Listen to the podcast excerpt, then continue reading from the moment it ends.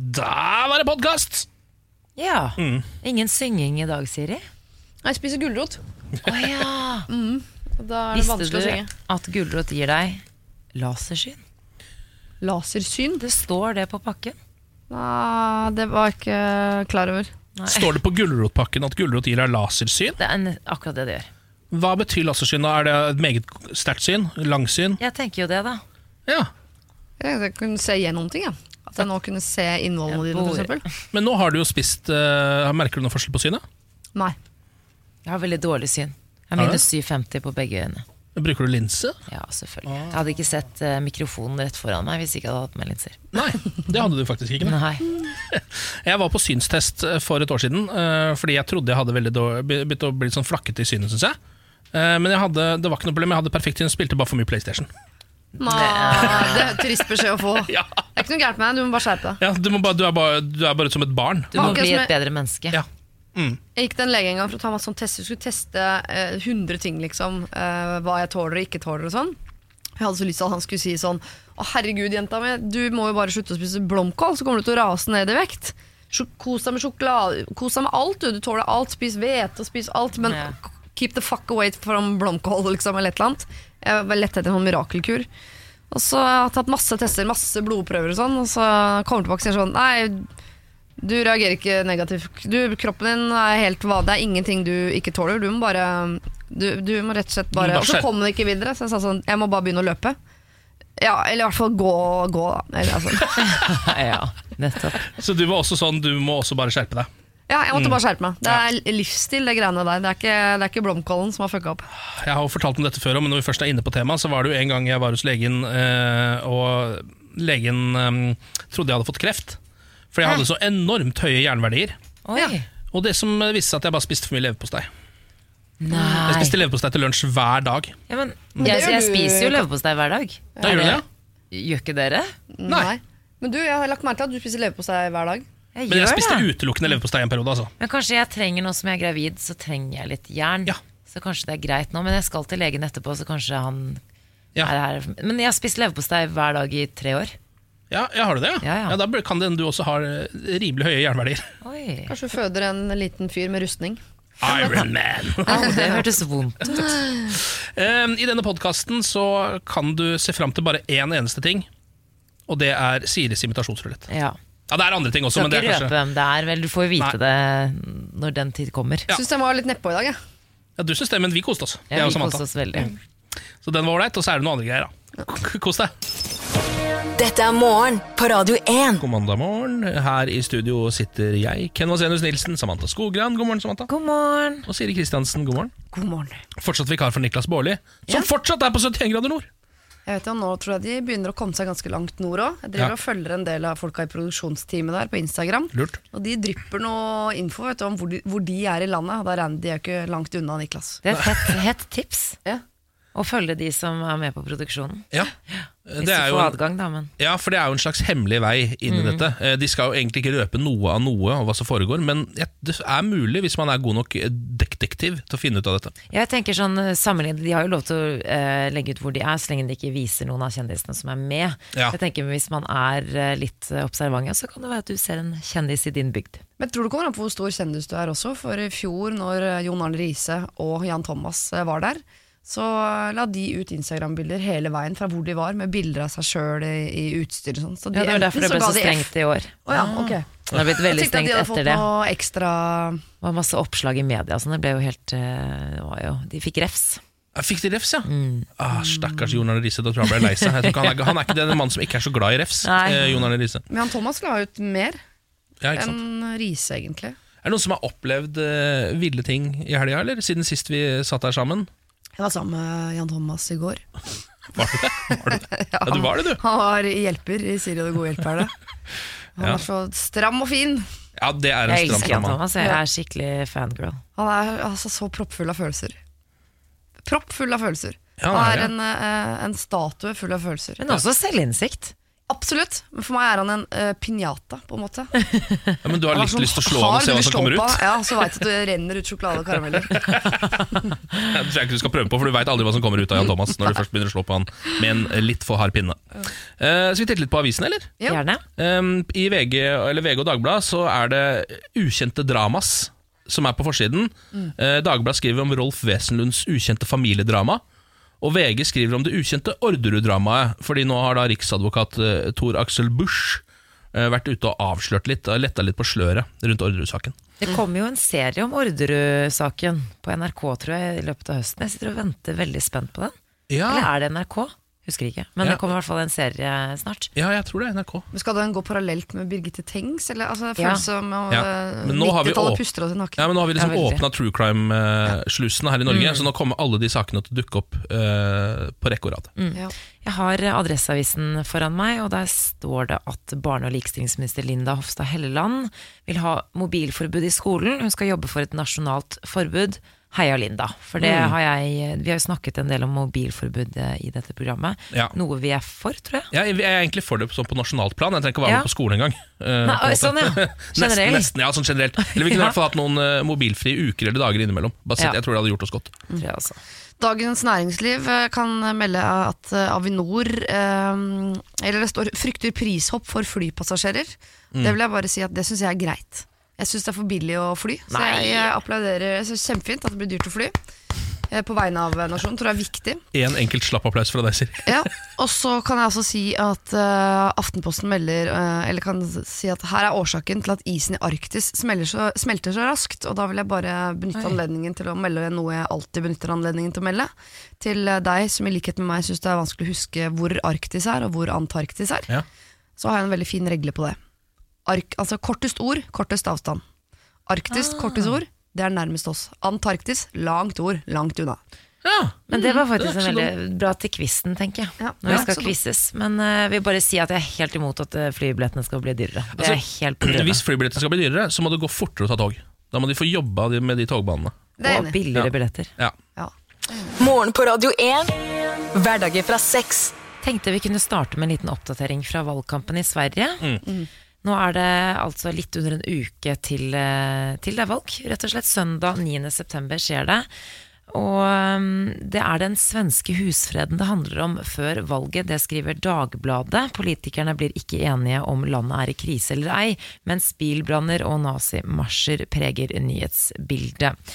Vanlige svenske velgere eh, på begge sider av debatten om Sverigedemokraternas Sverigedemokraternes leder Jimmy Åkesson forteller om en frykt for framtiden. Enten det er frykt for rasisme på den ene siden, eller frykt for innvandring på den andre siden. Ja. Det er veldig mye snakk om Sverigedemokraterna, det innvandringskritiske partiet. Med Jimmy Åkesson, eh, de fosser fram på eh, målingene. Mens statsminister Stefan Löfvens parti eh, Hva er det det heter igjen nå? Eh, nå glemte jeg det. Moderaterna? ja. Eller Er er det, det? er det ikke det, da? Ja, Nei, Nå ble jeg usikker. Sosialdemokraterne.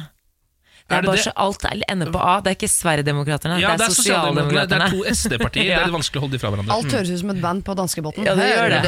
Hører dere, veldig, Og Stefan Löfven også høres ut som Christer uh, Sjøgren, ja, absolutt. La oss holde oss til politikken. Stefan Löfvens parti Sosialdemokraterne og Moderaterne de sliter tungt. Um, de har nå startet en sånn likestillingskampanje mot Sverigedemokraterna.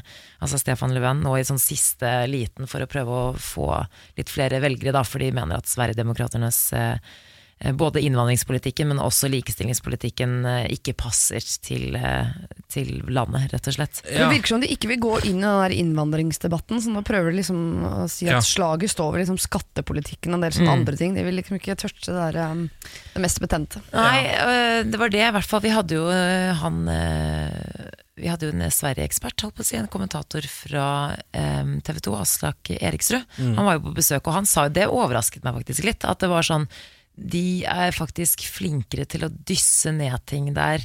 Eller de snakker ikke like mye om det som vi gjør. Og jeg trodde faktisk ikke det. For det jo innvandring har jo blitt et større problem i Sverige enn i Norge. I form av at de har tatt imot ganske mange flere, og de ikke har mulighet til det, egentlig. Så flere eksperter tror jo at dette valget kan bli litt som i USA. Snakker om en sånn Trump-effekt. At det er veldig mange flere som kommer til å stemme på Sverigedemokraterna enn det de tør å innrømme. på en måte. Ja. Eller de tør ikke å si det på målingene. Så selv om eh, eh, altså, Sverigedemokraterna gjør det kjempebra på målingene, men jeg tror de kan gjøre det enda bedre. Ja. Jeg tror ikke det er bare innvandring, jeg tror også det handler om liksom skattene der. At de hører at noen sier sånn Vi skal sette ned skattene, men velferden den, den skal vi opprettholde. Det jo Det er jo for godt til å være sant, og det er jo fordi det er for godt til å være sant. Ja. Men det, det er jo eh, Når du bare ser på hvor mange mennesker som tar opp eh, forbrukslån med 39% rente og sånn, det er jo de folka der som, eh, som går i den honningkrukka tenker sånn Hva?! Kan vi slippe å betale penger inn, men bare få masse penger ut? Det er for godt til å være sant. Jeg, eh, jeg kjøper den pakka der. Ah, ja, det kan gå bitte litt til helvete. Jeg, en har gått helt sånn eh, konkret, eh, ikke til helvete for det er å overdrive, men Anton Berglund, en 32 år gammel mann fra Sverige, som for noen år siden eh, bestemte seg for, selv om han var skeptisk til Sverigedemokraterna, så bestemte han seg for å bli med i partiet. Okay. Han er en trebarnsfar, helt vanlig fyr, liksom. Bestemte seg for at det der partiprogrammet der, det skal jeg lese. Leste det. Så, seg enig i det meste og tenkte jeg skal engasjere meg, er, er nå um, uh, altså med som en del av Sverigedemokraterna. Altså det mest sånn um, uh, Det han hadde opplevd av liksom motstand, da, som han syntes var ille, var eh, etter å ha meldt seg inn i partiet, så fikk han en telefon fra sin fetter. Uh, som han skulle i bryllup til bare en måned senere. Han og kona var invitert, de hadde gleda seg. Sikkert satt fram de høla skoa, vært på liksom, lokale glassmagasin og kjøpt det sausenebben de alltid hadde ønska seg. Og så får du telefon fra fetter og sier sånn 'Jeg ser du har meldt deg inn i Sverigedemokraterna. Du er ikke invitert av i mitt bryllup det er såpass, ja. eh, lenger. Ja. Hei då.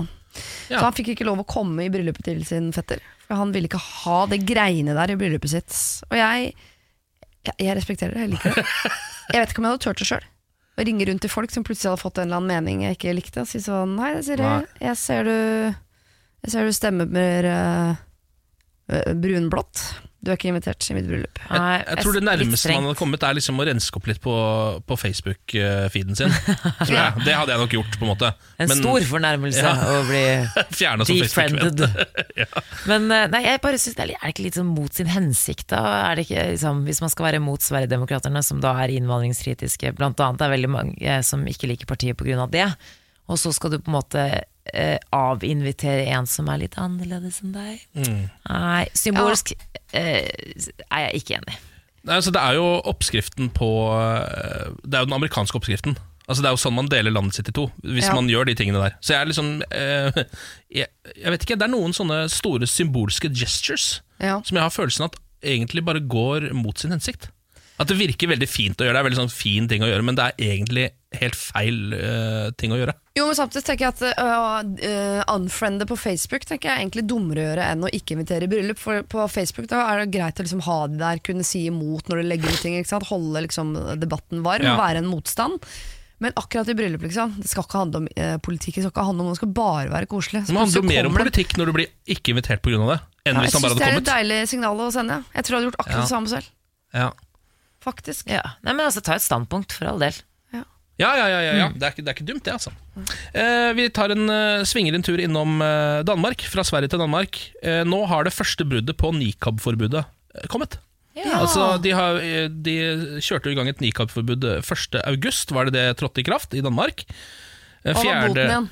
Hæ? Hva var boten igjen? Jeg tror det er 1000 kroner for første gang, og så hvis Ja. du gjør det flere ganger, så er det 10 000. Etter Ja. tre ganger, eller et eller annet sånt noe, da. Um, det er det fjerde europeiske landet etter Frankrike, Belgia og Østerrike som forbryr all bruk av uh, nikab. Som jo er der dette heldekkende eh, plagget som man kan se ute på gaten noen ganger. Um, ofte i fargen svart. Um, og det, det som har skjedd, er da at en 49 år gammel mann som forrige uke gikk rundt i byen Haderslev i Sønderjylland, eh, ble siktet fordi han gikk rundt med finlandshette, bar overkropp og en pinne. um, og det, Hva, han fikk nikab-bot, liksom? ja, fordi altså, Idet man forbyr nikab, så må man jo også forby finlandshette og et par andre eh, masker og et par andre ting som man egentlig bare tar med for å vise at dette er ikke rasisme. Mm. dette er bare helt praktisk for at ikke du skal eh, vise ikke, ikke kunne vise fjeset ditt. Det blir et helvete på halloween, da. Ja, det blir et helvete på halloween. eh, og så står det også under her um, Den 49 år gamle mannen fort fortalte patruljen at han trente balanse. Det, Ja vel, det ja. jeg er så deilig, fordi det, er, det minner meg om barndommen min. Når jeg gikk rundt og surra nedi i, i Moss, der jeg bodde, og så plutselig så ser jeg en, en, en fyr som jeg kjenner, sånn en eh, seksåring, da, sjuåring liksom, eller noe, som står og surrer med noe greier aleine inni skauen der, så er det bare sånn Hva er det du driver med? Jeg trener balanse. Det er liksom veldig, veldig ofte det folk driver med når de Men er det godkjent? overkropp. Unnskyld. ja, Hvilke spørsmål skal jeg ta? Eh, Baris. Ja, eh, Han var i bar overkropp, og han hadde en pinne. Altså kompisen din. Nei, han, han var, Ja, de var også ofte i bare overkropp og pinner. ja Det er helt riktig, det. Morgen på Radio 1. Eh, Kristoffer har sendt oss en melding eh, på Facebook nå, radio1.no. Det kan du også gjøre hvis du har lyst til det. God morgen, i dag så skal jeg på jobb fra 9 til 4. Etterpå skal jeg hjem og feire bursdagen min. Har blitt 19 år gammel. Ja, gratulerer, Hipp hurra, 19 er favorittallet mitt. Jeg syns også, det er litt, synes også det er litt imponerende. Han begynner på jobb klokka ni, men han har stått opp allerede. Ja. Da får du mye ut av dagen. altså Ja, han pendler, da. Ja, det kan hende. Det kan faktisk hende at det er rett og slett er såpass enkelt. Eh, nå kommer en observasjon fra meg, fra helgen. Ja. um, jeg tror at snobberiet har flytta seg. Oh. Fordi nå, i helgen, så uh, var jeg um, beveger jeg meg fra vestkanten i Oslo over til østkanten i Oslo i løpet av uh, et par-tre timer. Og da er det jo sånn For dem som ikke kjenner sånn den demografiske eh, oppdelingen av Oslo, så er det jo da så litt sånn som det egentlig er overalt, at på vestkanten så bor liksom de rike. Eh, De som har masse penger, og som er snobber. Og så på østkanten, det er liksom arbeiderstrøket, der hvor det er enklere kår.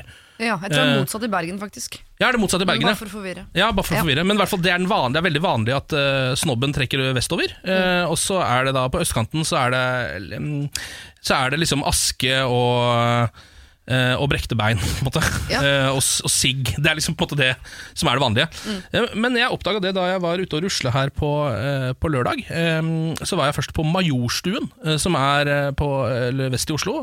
Eh, på en måte hovedstaden på vestkanten, kan man nesten si. Eh, og det, det er ganske lenge siden jeg har vært der nå, og jeg var der ganske lenge. Det jeg oppdaga, var at det er det mest rølpete stedet jeg noen, altså har vært Ja, ja. på mange, mange, mange, mange, mange år. Um, det er um, Altså, det er ikke noe som er classy med det stedet. Overhodet. Altså, ikke noe. Det fins ikke, ikke et snev av klasse igjen der oppe. Um, og så stakk jeg over på en fest som var på østkanten, altså helt på andre siden av byen, på Torshov. Og der, vet du, der kommer det. Der, er, eh, der, er det, der spiser folk grillpølser til 67 kroner per pølse. Ja. Drikker naturvin. eh, og snakker bare om litteratur og poesi. ja. Um, noe som var helt totalt nytt for meg. Det er veldig lenge siden jeg har vært, uh, vært i det gamle arbeiderklassestrøket. Men nå har det altså da uh, snobberiet flytta seg, ikke bare geografisk, fra vest til øst, men også da fra de rike, føler jeg, og over til, de, de, over til middelklassen. ja. Ja. Det er middelklassen. Kulturelite, kanskje? Ja, det er middelklassen som er snobbete. Ja. Men det er sant, fordi man har kanskje fått Man har råd til å være snobbete Ja, når man er norsk middelklasse. ja. Det er kanskje det, og jeg er helt enig i at Majorstuen er rølpete. Det har Ja. vært det kanskje ikke sånn altfor lenge, for det er jo en sånn gammel aviskiosk på hjørnet på Majorstuen. Den har liksom, den har et gammelt preg av eh, litt snobberi, for der var det på en måte, jeg følte at liksom, der kjøpte man sigarer og aviser før. ja. Men det er den eneste som har beholdt eh, det man kan kalle sjarm, da. På en Ja. måte. Fordi eh, nå, det var enda mer rølpete før, for da var det en 7-Eleven på hjørnet, som nå har blitt en DNB. da. Det hjelper litt, faktisk. Ja. For den 7-Eleven, der var det mye ræl som jeg har ut. en slags følelse av at de, de rike ikke lenger gidder å snobbe. Altså De trenger det på en måte ikke. De har gjort det i mange generasjoner, og nå er det liksom på en måte Eller det snobberiet de driver med, er litt sånn avleggs. Hvis Ja. du skjønner hva jeg mener Så det er blitt vanlig for alle. Mens det nye snobberiet, det som er eh, det som er enda mer snobbete, det er det på en måte litt sånn middelklassefolk som gjør, som er opptatt av naturvinen sin og alt de på en måte har lest om i eh, D2 og lignende. Men det er litt sånn normcore-snobbing òg. Den skal ikke snobbe seg til med uh, kaviar og hors d'oeuvres, sånn som før. Det er liksom, det er Ja. pølse, Ja, men ja. det er god pølse. Men det er viktig, Og det er sånn som det er øl, men det er hjemmelaga IPA. Ja. Altså, der, jeg er så folkelig at du veit ikke, jeg har egen åker bak her, jeg dyrker mine egne poteter. Ja, Mm, Men, det er, mest jævlig dyre poteter. Ja. snobbete du egentlig kan finne, på en måte. Men Ja. de skjuler seg bak. det er, det. det, er, det, er, det, er, det er et litt fascinerende fenomen. Mm. jeg. Jeg, tror, jeg syns faktisk du skal skrive en oppgave, eller et eller annet. Altså En artikkel, noe om den, dette fenomenet, for jeg tror du har helt rett. Få det på trykk, ja. Yes. ja. For det er ikke riktig før du har det på trykk. Nei. Jeg hadde gått for doktorgrad, jeg. Litt mange år, bare. Ja, litt mange år. Eh, jeg, jeg har vært i mange år svoren Unni Lindell-fan. Lest mye Unni Lindell-bøker. Syns hun er god på å holde spenningen gjennom hele boken. Og vært stille fra under Linnell en eh, stund. Nå ser jeg i VG at hun er eh, straks klar med en ny krim eh, som heter Dronen. Eller skal hete Dronen. Handlingen er lagt til Maridalen utenfor Oslo. Eh, og den skal være mørk. Jeg tror det er noen sånn telttur involvert. Som jeg, synes, jeg vet ikke om jeg skal tørre å lese den, for jeg tror den kommer til å ødelegge mitt forhold til telttur.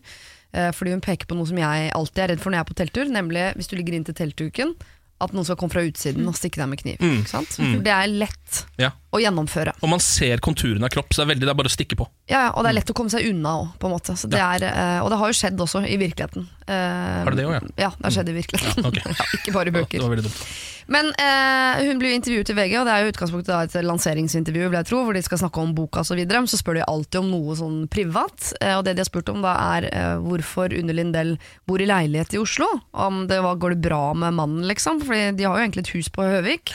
Ja. Eh, og da sier hun at nei da, vi er fortsatt gift, vi bare velger å bo hver for oss, spesielt i perioder hvor hun skriver mye, for da blir hun litt monster, banner mye og er liksom ufin, ikke noe grei å bo sammen med, så da trekker hun seg for seg selv og bor i sin egen lille leilighet for å få fred og ro. Og dette her har jeg prøvd å trumfe gjennom i årevis i uh, min familie. Jeg har prøvd å presse det på andre familier. Uh, og jeg vil at det skal bli en ny norm i samfunnet for at alle ekteskap skal potensielt kunne vare mye mye lenger. Det at det må være greit og lov, og nærmest eh, anbefalt, kanskje påbudt, å bo periodevis hver for seg. ja.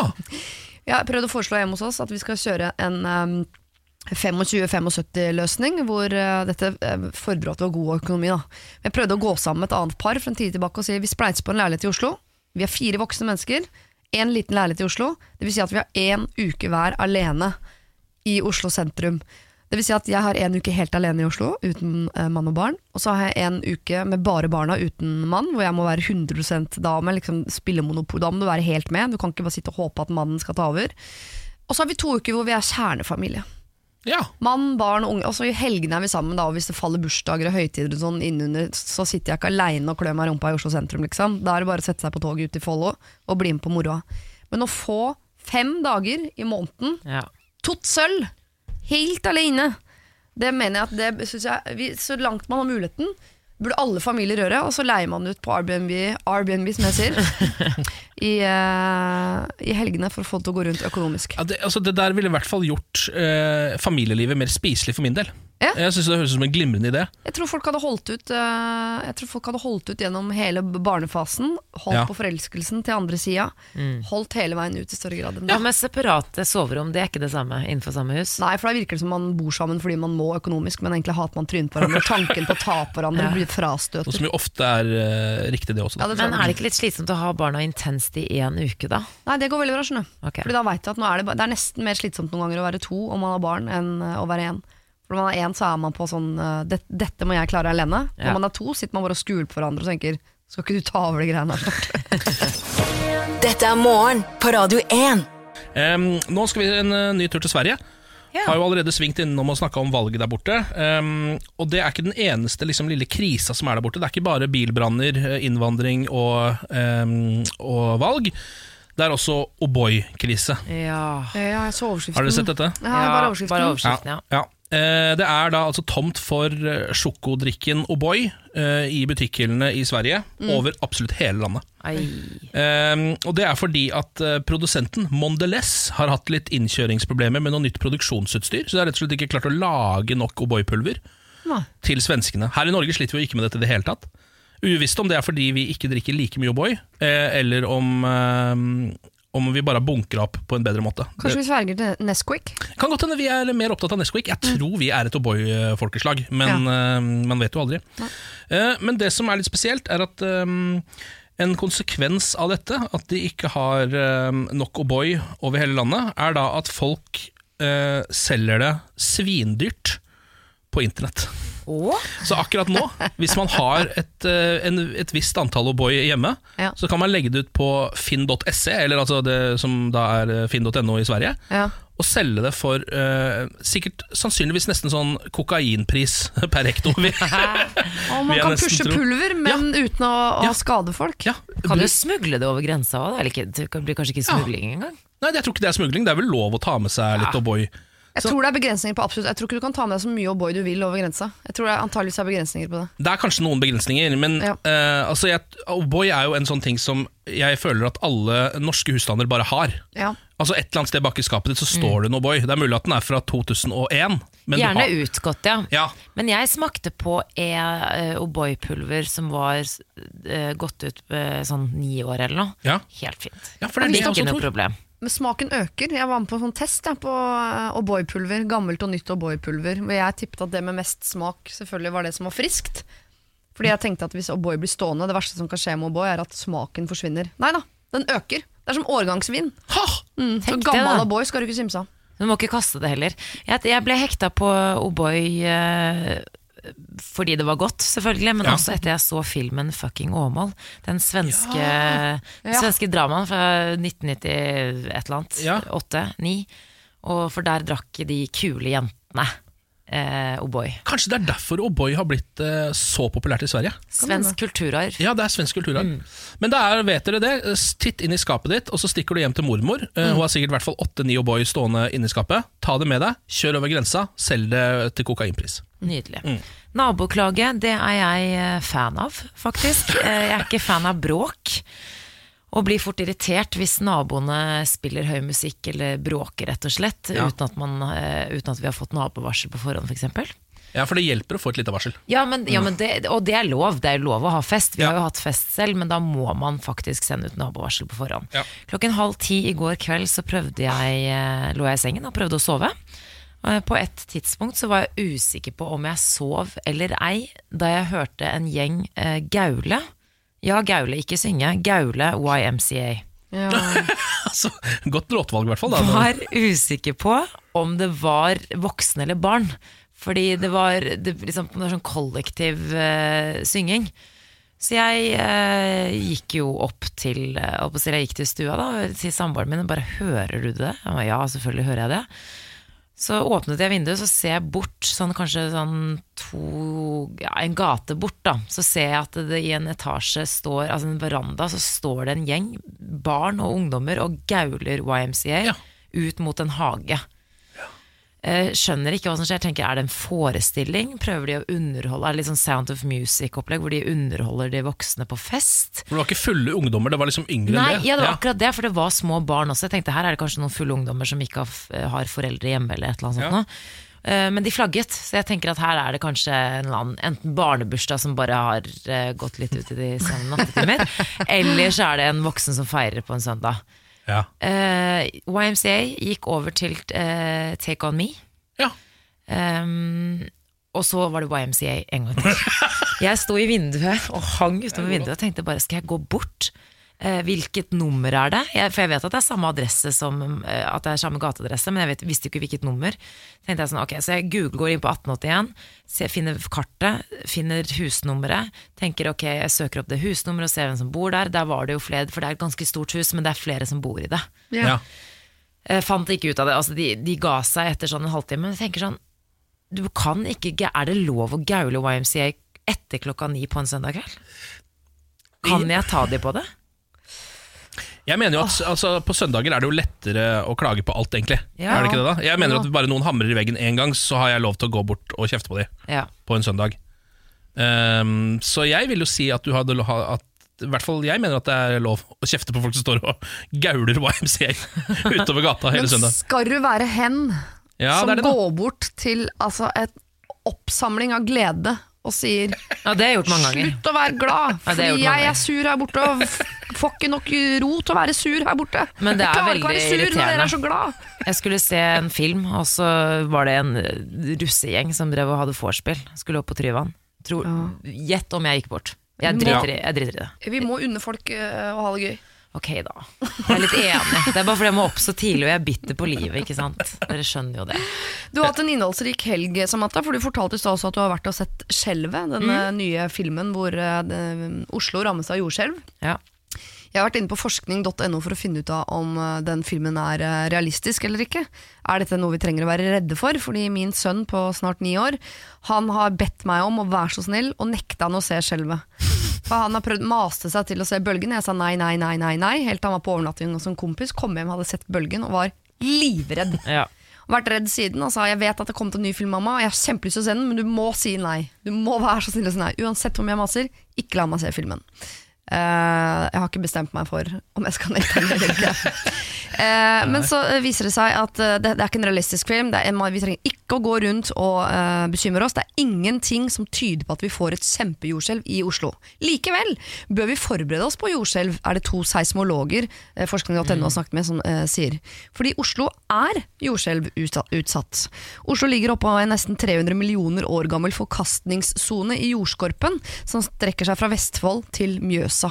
Og denne sonen gjør landjorda sør og nord for hovedstaden vår til det mest jordskjelvutsatte området i Nord-Europa. Ja. Så hvis det, Ja, blor, du... hvis det blir jordskjelv i eh, Nord-Europa, så kan du banne på at det blir i Oslo. Og Oslo er en by med gamle og dårlige bygninger. Og deler av byen vår er bygd på leire. Eh, veldig ustabil kvikkleire, faktisk. Så hvis det blir jordskjelv også, eh, som det var i 1904 faktisk i denne byen, eh, så kan kombinasjonen av leirgrunn og dårlige bygninger gi store skader på bygningene. Eh, du kan også banne på at du blir nervøs når du ser skjelvet, fordi de, de slutter de, Altså Slutteksten på filmen nevner akkurat det du sa, det der med at eh, Hva var det du sa, Nord-Europas Nord-Europas mest jordskjelvutsatte område. Ja, nettopp. Så du sitter der med, liksom, med popkorn på hele brystet og bare eh, Ja. Men det å, går ikke an å si uh, Det er totalt urealistisk, men det er det mest utsatte stedet i hele verden, nesten! Ja. Det kommer ikke til å skje. Hvis det skjer, så skjer det her. Dette er morgen på Radio 1. Slik reagerte Gjert Ingebrigtsen på å bli bestefar. Team Ingebrigtsen er en av de mest kjente og talentfulle familiene eh, innen norsk idrett. Tone og Gjert Ingebrigtsen de har altså avlet frem eh, friidrettstalenter én etter én. Ja. De har eh, syv barn, og av de syv barna så er det europamestere, eh, de har eh, barn som har tatt VM-medaljer osv. ja, Du kan liksom også banne på at den yngste av de Hvor, hvor gammel er den yngste, vet du det? Ja, så den yngste, det er vel en liten gutt, eller jeg, jeg tror det er en liten gutt. Ja. Eller en liten jente. For det, det, tingen er at når du, når du ser hele familien, så er det Man vet ikke om det er barn eller barnebarn. Ja, sånn, ja. ja. Ja. Men jeg ser for meg altså, alle der er raskest i klassen. Hvis Ja, du skjønner ja. mener. Så Ja, Uansett hvor gammel du er, så løper du fra de andre. på en måte Og tre av de syv barna er uh, mye omtalt i mediene om dagen. På privaten er det mm, flere av disse brødrene, det er jo brødrene da, det er jo Jakob, Philip og, og Henrik Ingebrigts, Ingebrigtsen, som eh, nylig var deltok i EM og tok, uh, tok medaljer, i hvert fall to av de. På privaten så har de jo alle funnet kjærligheten. Og de er ganske etablerte til tross for ung alder. 27 år gamle Henrik Ingebrigtsen han er gift med sin Liva. Og sammen har de en datter. Så har du da Philip Ingebrigtsen som er 25, som er forlovet med sin kjæreste. Og så har du da Jakob Ingebrigtsen som er stormforelska. Han er også fast følge. Ja. Kun 17 år. Og som de aller fleste utøvere på øverste nivå, så kan det jo være vanskelig å finne en balanse mellom det å være idrettsutøver og eh, kjæreste og mann, f.eks. eksempel Det kan jo jeg se for meg. Og pappa Gjert han har strenge krav til gutta sine. Eh, Det ser man i programmet Team Ingebrigtsen, deres eh, realityshow. Det er en slags Kardashians, Ja. Ja. bare i en litt mer sånn idrettslig For det er krangling, og det er liksom altså, Det er eh, norske versjonen, da, kan du si.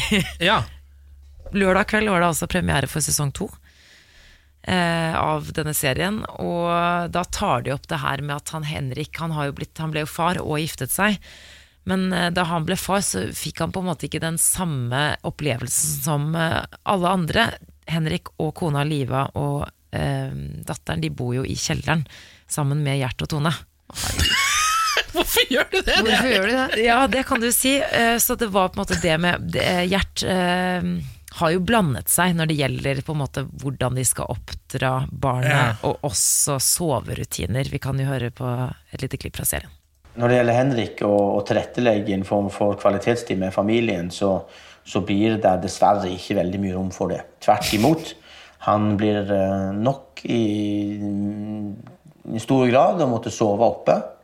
Og ikke få sove sammen med familien sin for å få kvalitet på søvnen og få være klar til neste økt.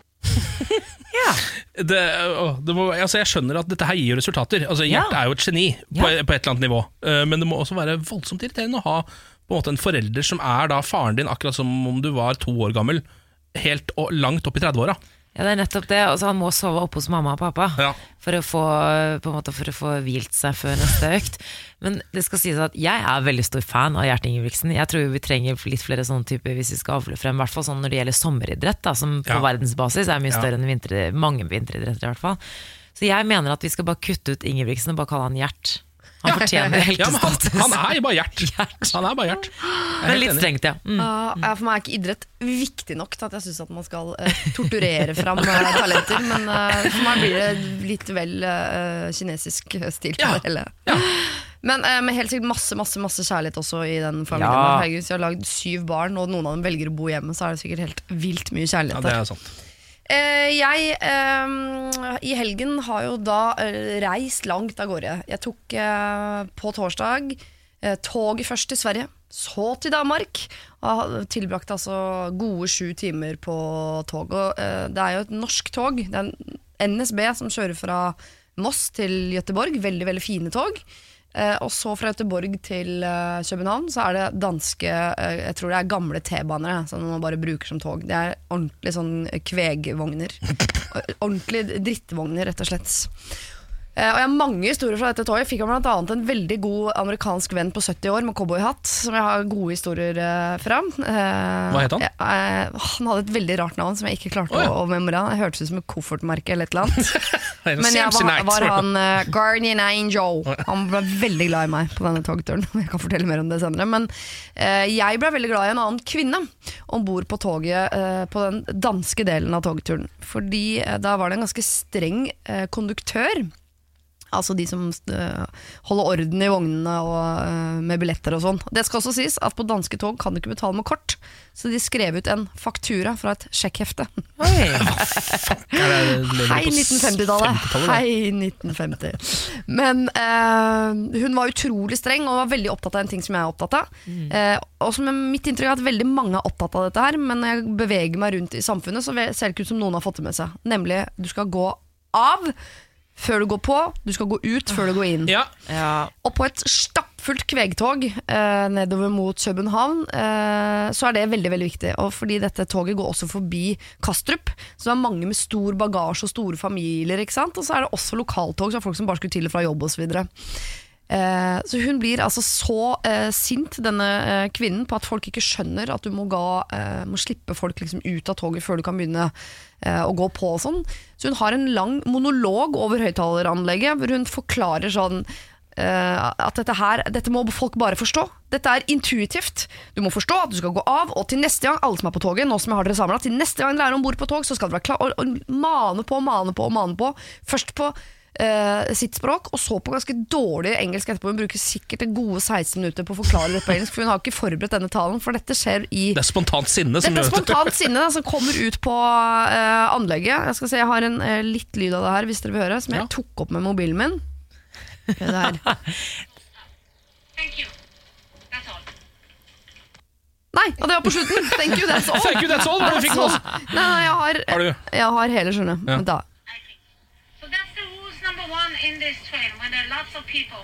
So if you go in first, nobody goes out. so next time, you stay out till everybody goes out. Thank you. Hverdagshelt. Det var veldig deilig. Han var kjempesint. Veldig, veldig siden. Der altså, Danmark ligger jo veldig nærme Tyskland. Ja. Der fikk jeg litt sånn følelsen av det. akkurat på Det der Det var veldig effektive beskjeder. Mm. Kom kommandoer. Jeg ble veldig glad i henne. Morgen på Radio 1. Hverdager fra seks. Um, nå har vi kommet til et segment som um, vi koser oss ganske mye med, fordi det gir oss muligheten til å framstå ganske smarte, reflekterte um, og terapeutiske. Fordi nå uh, skal vi altså inn i parterapispalten. Um, og dette er jo noe som vi vanligvis pleier å gjøre når Niklas er her. Nå er jo ikke Niklas Baarli her, fordi han er på 71 grader nord. Du er jo vikar for han, Siri. Um, og det er jo at han tar med seg et spørsmål fra sin kjæreste Benjamin, som han presenterer for meg og Samantha. Så skal vi prøve å på en måte løse litt opp i det, komme med noen tips og råd osv. Hvis vi kan, da. Mm. Men nå tenker vi at selv om han ikke er her, så betyr jo ikke det at eh, ikke Benjamin trenger tips og råd eh, hjemme der hvor han sitter. Jeg føler vi kommer enda nærere nå som Niklas ikke er her og kan komme der eh, Ja. mot svarene sine. Ja, for Veldig ofte Deilig. starter jo hele parterapien med at han bare slår ned alt Benjamin sier, og Ja. så må vi begynne å ta tak i det. Eh, Men her er det altså, har vi fått med oss eh, Benjamin, kjæresten til Niklas. Skal vi høre hva han lurer på denne gangen? Ja. Hei, gjengen, og god morgen. Eh, som dere vet, så er jo Niklas på 71 grader nord. Og for min del så begynner jeg å merke at eh, det kanskje er på tide at han kommer hjem. Fordi jeg savner han jo litt. Og i den anledning av savn så tenkte jeg at det hadde vært veldig hyggelig å gjøre noe ordentlig skikkelig fint for Niklas når han kommer hjem igjen. Men så er jeg litt sånn usikker på hva man egentlig er keen på etter å ha vært i ødemarken i flere uker. Vil man da liksom ut på flott restaurant og spise, eller vil man ha en skikkelig kosekveld hjemme? Og siden i hvert fall noen av dere har vært med på 71 grader nord før, så kunne jeg trengt litt tips på det. Altså, dette var jo veldig hyggelig, da. Det må jeg si. Ja. Fordi ofte er det jo Benjamin tar jo gjerne opp eh, ikke få problemer når, i forholdet når vi har denne spalten her, men det her var jo veldig hyggelig. Ja, her merker man jo at de faktisk liker hverandre. Det er ikke så ofte vi, så ofte vi kjenner på det. Godt å kjenne på det. Nei, jeg vet ikke, Siri. Hva var det første du, ville, du tenkte på? Eller sånn, det var jo selvfølgelig kanskje å se Barn og mann, men eh, ville du ut på fancy restaurant? Eh, nei, jeg ville være hjemme. Hjemme, hjemme, hjemme. Mest mulig hjemme. Jeg, og det tipper jeg Niklas også. Jeg, jeg tror nok at han blir glad for å se Benjamin igjen. Men jeg tipper at eh, det Niklas trenger når han kommer hjem, det er å spune bikkja. Ja. det tror. Bjarne savner Jeg tror han savner Bjarne helt vilt mye. Det tror jeg også. Han savner nok Benjamin også, men det er noe med eh, Det har vært så mye inntrykk at man orker nesten ikke ting man må forholde seg til. Man vil egentlig bare være klump og kose. Ja. Vil ikke svare på spørsmål, vil ikke fortelle hvordan man har hatt det. Vil ikke, det kommer etter hvert. Man vil bare være klump. Jeg tror du er helt rett i at han savner Bjarne, og det er det han tenker på. Fordi eh, selv om eh, man, har, eh, man, har, man har ikke så stor tilgang til mobil når man er på den turen, så får man den i ny og ne. For å på en måte kunne ta en telefon eh, hjem til eh, ja, til Benjamin og bikkje, f.eks. Mm. Og jeg så at Niklas la ut et bilde for 15 timer siden, og det var en sånn eh, skikkelig dårlig sånn hundespøk. Å ja, morsomt. En dårlig hundevits. hundevits.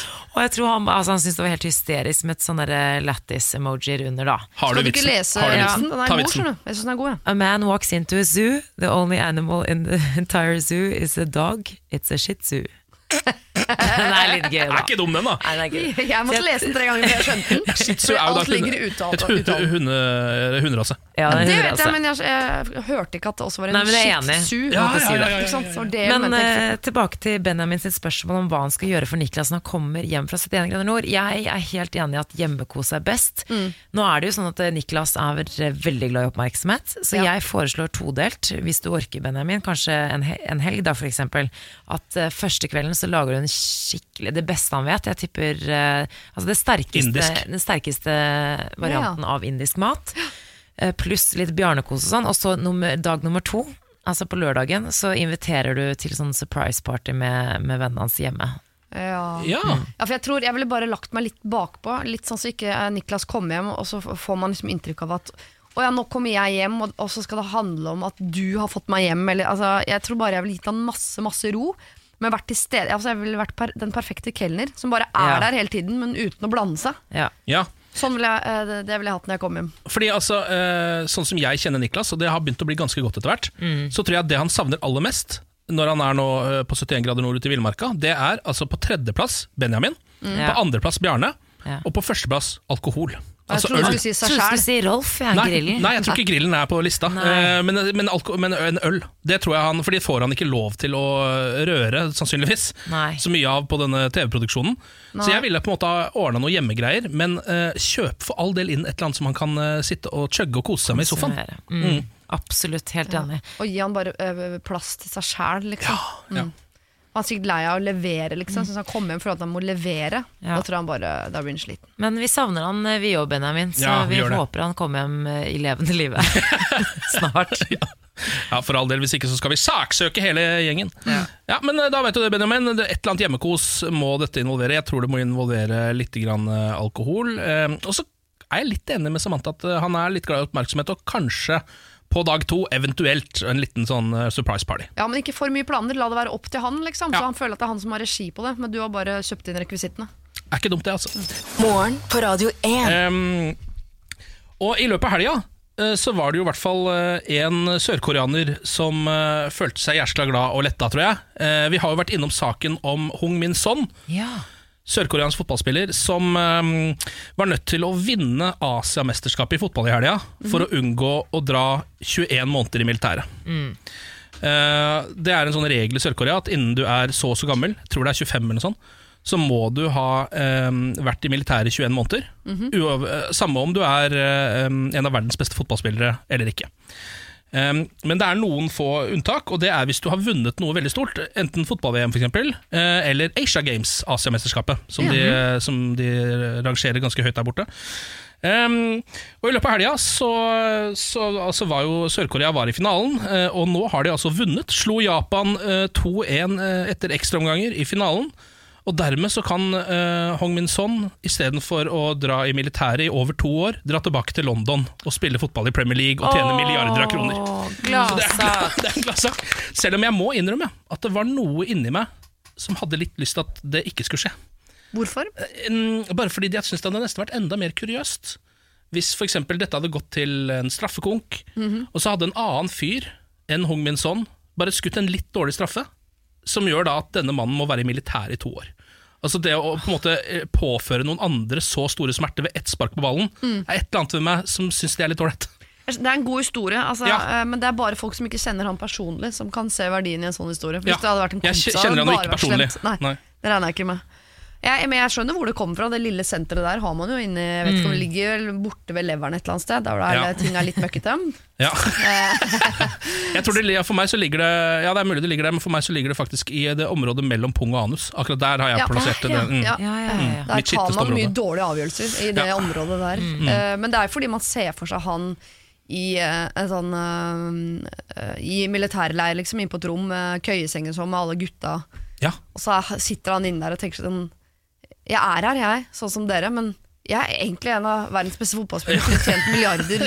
ja. Vi bare er her sammen med dere. At det må være Jeg bor egentlig i et slott i London, jeg. ja, ja. Eh, Men nå sitter jeg her sammen med dere fordi det var én fyr som ikke klarte å skyte ballen i mål. Å, herregud. Tenk det.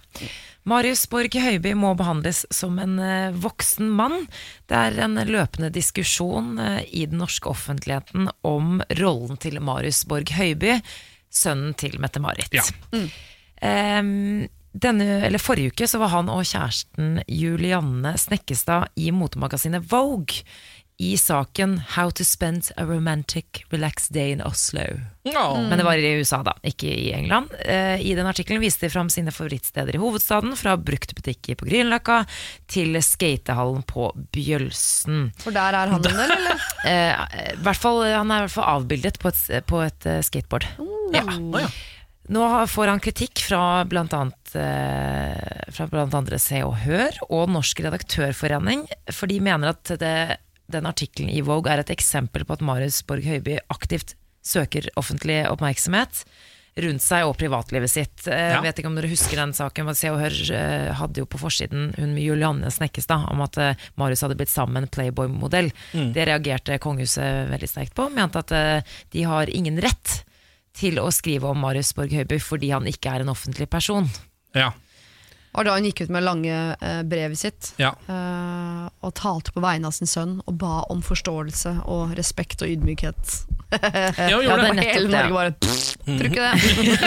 Ja, for Ja. det er litt vanskelig, for kongefamilien er jo ikke en privat familie, selvfølgelig. De, de, eh, det fins ingen unntak. Man må, de må man kunne skrive om, og det forventes også at de stiller opp. Marius Borg Høiby er en del av denne familien, men litt sånn indirekte. Han er jo en del av uh, Mette-Marit og Håkon sin familie, men, men ikke via kongefamilien, på en måte. Nei. Nei. Fordi han ikke er sønnen til uh, Krump, Krumpen. Ja. Er Jeg klarer ikke å ta han- det hensynet. Ja. Det kan hende at det nok en gang at vi er da nede og henter råd fra det området som ligger mellom pung og anus, men uh, igjen her så tenker jeg at det, hen- det hensynet klarer jeg ikke å ta. Nei, fordi slottet, Da han var liten, så dekket jo Slottet utgiftene hans. Ja. Mm. På hvert fall på sånn fellesreiser og sånn. Men de gjør vel ikke det nå lenger? Gjør de det? For jeg syns det er litt vanskelig. Jeg klarer ikke å bestemme meg på om jeg syns om han er litt sånn skitunge. Eh, han har 53 000 følgere på Instagram, tror jeg. Legger jo Legger jo ut ting hele tiden og har, oh, ja drømmer om å bli klesdesigner, tror jeg, og gjør masse Men ting, jeg, han skal jo få lov til å gjøre det. Problemet er bare om på en måte om han skal omtales eller ikke. Ja, eh, men altså nå eh, omtaler han jo på en måte seg selv, hvis du skjønner hva jeg mener. Så nå har jo han tydeligvis Akkurat nå føler jeg at nå er sånn Nå har den grensa så tydelig blitt tråkka over. Den med at han ikke vil at privatlivet hans skal skrives om. Um, det, har, det, det kan vi bare drite i nå, Fordi nå har han begynt å oppsøke det ordentlig kraftig sjæl. Så Ja. nå er det bare lov å gjøre så mye skrive hva man vil om den mannen. Jeg tror han har ønsket det hele veien, og så er det uh, mor, Mette Ja. Marit Ja. her, som syns det er vanskelig. Så det brevet hun gikk ut med, det tror jeg ikke var sånn uh, Det var ikke lille Marius som spurte Mamma, mamma, kan du være så snill å snakke til folket og be de være ydmyke rundt meg? Det tror jeg ikke. Var, han eh, ville jo ha oppmerksomhet. Men det er rart hvordan foreldre blander seg inn i hva barna driver med i offentligheten. Jeg er på side 2.no, hvor det er en sak der eh, datteren til Alec Baldwin, denne merkelige, sexy, litt eldre skuespilleren, som slipper unna med å være sexy til tross for at han ikke har uh, et vakkert fjes. Som han han har en blanding av noe greier. Ja. altså, Alec Baldwin har jo da en datter med jeg tror det er Kim Bassinger, nei, ja, som er mora. Ja. Og hun heter Irland, selvfølgelig oppkalt etter eh, det forjette landet Irland. Ja. Eh, hun er 22 år gammel og modell og har lagt ut et bilde av seg selv hvor hun sitter i en bitte liten bikini oppå en motorsykkel på sin Instagram-profil. Interessant vinkel også. Veldig, altså det er mye bori booty, veldig mye booty på Ja. det bildet. Og da eh, har jo far Baldwin eh, kommentert på dette Instagram-bildet, og han skriver bare 'no'.